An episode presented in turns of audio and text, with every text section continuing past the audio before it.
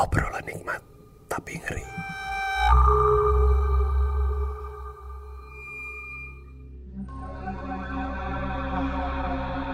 Cerita ini diambil dari kisah nyata paling seram yang dikirim ke DM USS Fit. Nama gue Yudi. Jadi gue hobi thrifting tapi nggak cuma pakaian doang. Gue juga suka beli barang-barang antik kayak tanduk rusa atau patung dan sejenisnya lah. Sampai ada satu momen yang buat gue nggak mau beli lagi patung atau barang-barang antik lainnya. Ini cerita gue. Jadi waktu itu gue lagi jalan di sebuah pusat barang-barang antik atau barang-barang bekas di daerah Jatinegara. Terus gue ngeliat kayak ada patung etnik gitu. Jadi si patung ini tuh kayak memeluk kotak yang lumayan gede gitu.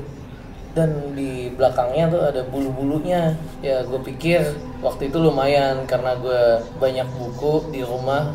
Ya mungkin bisa gue jadiin untuk rak buku.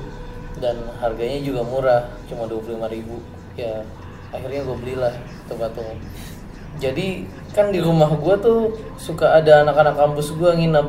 Ya mereka suka ngerjain tugas di rumah gue dan ada satu orang yang peka terhadap hal-hal yang berbau mistis gitu. Cuma dia nggak indigo cuma kadang bisa lihat aja. Nah suatu hari dia nginep di rumah gue dan sekitar jam 2 malam dia bangun. Dan ngebangunin gue saat itu. Dia bilang Yud patung lo nih nggak bener dari tadi ngeliatin gue mulu. Ya gue bilang yang bener lo kali ngantuk. Orang patungnya hadap ke TV dan kasur gue tuh emang jauh dari TV tapi saat itu gue nggak terlalu dengerin dia sih. Karena menurut gue ya dia emang ngantuk aja. Itu awal kejadiannya dimulai. Dan itu sekitar satu dua minggu setelah gue beli patung itu. Nah gue punya pembantu nih di rumah namanya Ima. Nah pembantu gue ini kesurupan ceritanya. Ya mungkin karena dia suka telepon-teleponan sama pacarnya di atas rumah gue ya kayak di ujung jemuran gitu sih teleponannya. Tapi keluarga gue kan nggak percaya tuh yang namanya mistis-mistis gitu. Ya kayak satu rumah tuh nggak ada yang percaya gitulah gitu gituan jadi gue nganggapnya si Imah ini ya emang lagi sakit aja flu kali gitu. Nah tapi setelah selang 2-3 minggu ternyata kelakuannya makin aneh nih. Kayak udah nggak mau kerja maunya tiduran di kamar sampai klimaksnya tuh dia minta bikinin es teh manis gitu ke nyokap gue. Dan yang kena gue juga. Ya gue yang disuruh bikin akhirnya ya pokoknya rese deh. Akhirnya ya setelah gue diskusi sama keluarga gue gue akhirnya mecat tuh pembantu sih si Imah ini. Tapi si Imah kekeh. Walaupun udah dipecat dia tetap mau tiduran di kamar itu. Sampai akhirnya gue capek udah berapa hari dia nggak mau keluar dari rumah gue gue telepon orang tuanya dari kampung orang tuanya datang ngejemput baru akhirnya dia keluar dari ini. Dan akhirnya masalahnya beres sih. Dan setelah itu selama tiga bulan gue tuh gonta-ganti pembantu tuh sampai lima kali. Tapi ya gue nggak ngeh karena emang keluarga gue tuh sama sekali nggak percaya yang namanya mistis-mistis gitu.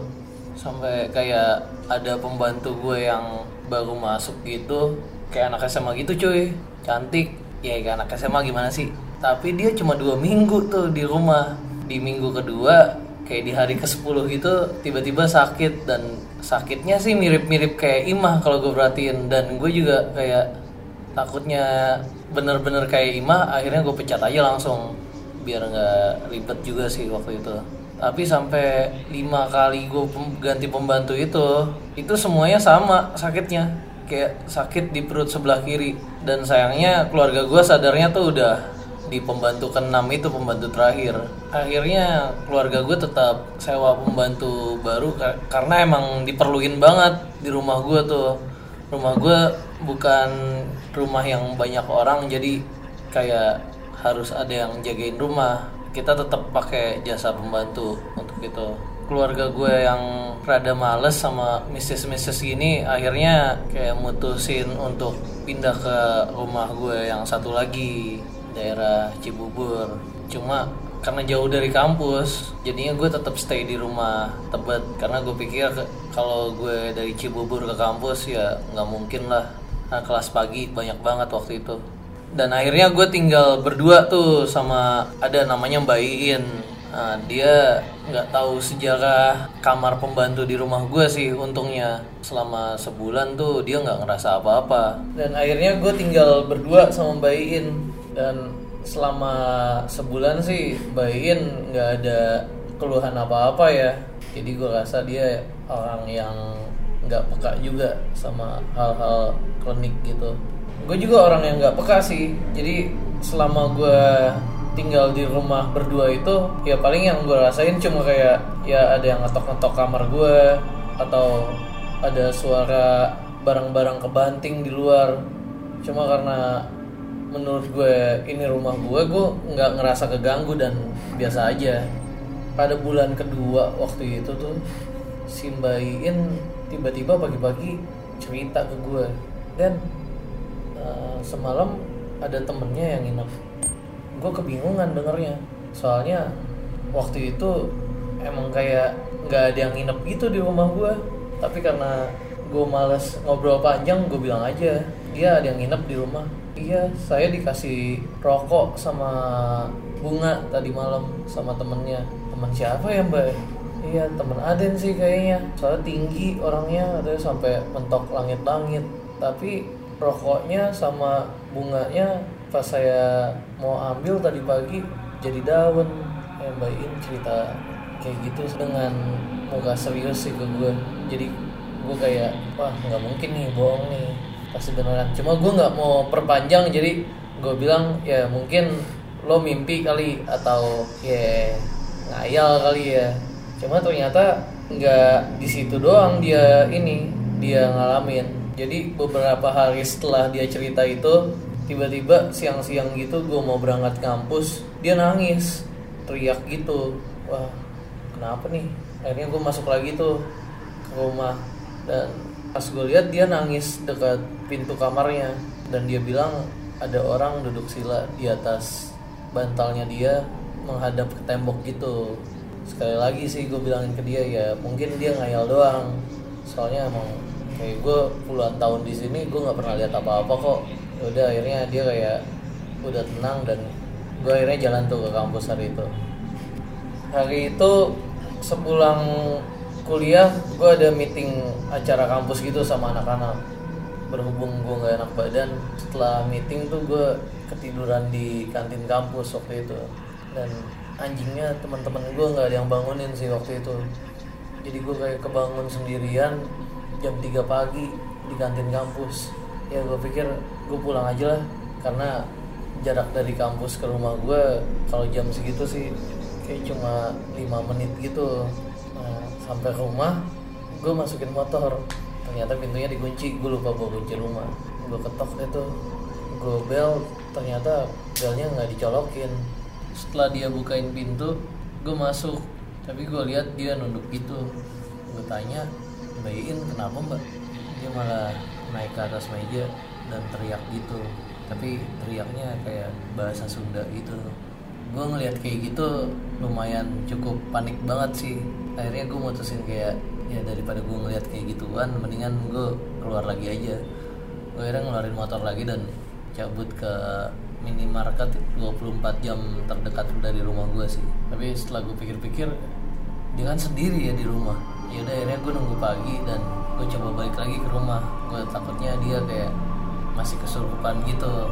Dan setelah gue nyampe rumah ternyata dia tidur di sofa dan pintu gak kekunci waktu itu. Gue bangunin dan dia udah sadar nggak kesurupan. Pas gue tanya Mbak Iin semalam kenapa ya? Dia bilang nggak tahu saya ingatnya saya tuh ini dan terakhir ngepel siang-siang udah abis itu saya nggak pernah ingat apa-apa lagi. Iya dan gue jelasin ke dia kalau dia kesurupan kemarin. Akhirnya semuanya gue ceritain ke nyokap gue di Cibubur kan. Karena gue lumayan nggak tahan lagi nih kayak gini. Bikin risih juga sih. Karena harus kayak seminggu ada aja gitu ceritanya yang aneh-aneh. Ya walaupun gue nggak bisa lihat ya. Cuma kayak kayak apa ya? Kayak risih aja gitu ada suara-suara aneh lah apa cuma gue sendiri sih pribadi emang bener-bener mungkin gue nggak peka jadi gue nggak pernah lihat apa-apa sih selama ini. Jadi akhirnya keluarga gue mutusin untuk nelfon orang pinter atau ngubungin orang pinter ya. Iya dan akhirnya ketemu tuh sama satu orang indigo. Cuma dia udah tua jadi gue via telepon gitu sama orang indigo ini. Dan karena patungnya punya gue jadi yang harus tanggung jawab tuh gue. Jadi gue teleponan sama orang indigo ini dia ngecek keadaan rumah gue tuh via telepon gitu. Gue lumayan gak percaya sih karena via telepon bukan video call juga telepon biasa sih ini waktu itu. Tapi setelah gue teleponan sama dia kayak dia tuh bisa tahu semua gitu loh posisi barang-barang yang ada di rumah gue. Sampai dia tahu satu satu ruangan yang gue sendiri yang dari lahir di situ gue nggak pernah tahu ada ruangan itu di rumah gue sampai kayak barang-barang senjata tajam lah apalah yang disimpan sama keluarga gue tuh dia tahu semua tempat-tempatnya. Dan itu dia suruh buang sih. Akhirnya tugas gue tuh ngebuangin barang-barang yang ngebawa aura negatif di rumah gue termasuk patung itu. Karena patung itu menurut dia ada isinya lah ya. Banyak yang nyebut sih isinya gitu. Ya kata dia isinya sih kayak roh jahat yang sakit hati sama wanita. Dan di selama dia hidup katanya dia ini sakit hati banget sih sama satu wanita gitu. Makanya dia suka nyerang wanita di rumah gue yang bukan anggota keluarga gue. Karena anggota keluarga gue menurut dia ada yang ngelindungin. Ya sebagai orang yang nggak percaya gue tuh rada bingung sih sebenarnya untuk ngobrol kayak gini-ginian sama orang indigo. Jadi gue mencoba ngikutin aja tuh saran-saran dari dia. Saran dari dia patungnya harus dibuang. Atau kalau emang gue mau harus nganterin pulang si roh di patung ini ke Kalimantan katanya. Gue sendiri nggak pernah ke Kalimantan. Makanya gue lebih milih untuk buang patung ini sih. Dan akhirnya sampai tuh di hari gue beraniin diri untuk buang patung. Karena jujur aja setelah gue tahu tuh patung ada aneh-anehnya beneran ada isinya gitu gue jadi males. Jadi gue taro kayak jauh dari kamar gue kayak di gudang gue gitu deh. Nah hari itu gue coba balikin ke penjual yang dulu ngejual patung itu ke gue di daerah Jatinegara itu. Dan beruntungnya. Gue tuh gue ketemu sama dia nih yang jual nih. Karena gue masih ingat orangnya. Pas ketemu dia gue bilang bang nah gue pindah kosan nih. Patungnya gue jual lagi deh kalau atau ya berapa aja lah lo. Nih patungnya gue balikin. Dan sialnya dia malah bilang ya lo mau bayar gue 200 ribu atau 300 ribu gue nggak mau sama tuh patung. Kan udah lo beli ya dalam hati gue nih orang tahu kayaknya kalau nih patung tuh ada apa-apanya. Dan akhirnya gue kayak niat untuk buang aja tuh patung. Tapi pas mau gue buang gue ketemu orang yang mau beli patung gue sih untungnya. Dia juga pedagang barang bekas gitu di sana. Nah, pas dia ini nyamperin gue kayak bilang daripada dibuang sini gue beli aja sepuluh ribu patungnya dengan senang hati sih. Akhirnya gue kasih aja gue bilang nggak usah nggak usah lo beli deh. Ini patung buat lo. Ya nikmatin deh tuh patung. Setelah dua hari kayaknya ya waktu itu ya buang patung itu gue tuh tidur siang. Dan sebenarnya nggak tidur sih tidur tiduran di kamar aja. Cuma main handphone sambil tiduran. Eh. Ada satu sosok gitu dari langit-langit kamar gue kayak nyamperin gue gitu. Dan gue sebagai orang yang nggak pernah ngelihat apa-apa atau nggak pernah ngelihat hal-hal mistis gitu yang gue ingat gue habis ngelihat gue kayak pingsan gitu sih atau tidur. Karena gue baru bangun itu setelah tiga jam habis gue ngeliat sosok itu. Dan gue pikir kayak sosok di patung itu masih ada di kamar gue dan gue coba ngubungin si orang indigo yang sempat ngeliat rumah gue via telepon itu dan gue nanya ke dia ya ternyata itu penunggu lama di rumah gue sih yang marah karena karena dia baru tahu kalau yang bawa sosok jahat di patung itu adalah gue tapi katanya ya karena dia penunggu lama dia nggak akan ganggu lagi kok sekali aja. Dia cuma pengen tahu kalau di rumah gue itu ada penunggunya juga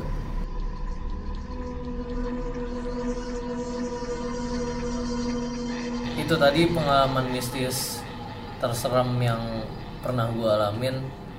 Kalau cerita lo bagaimana?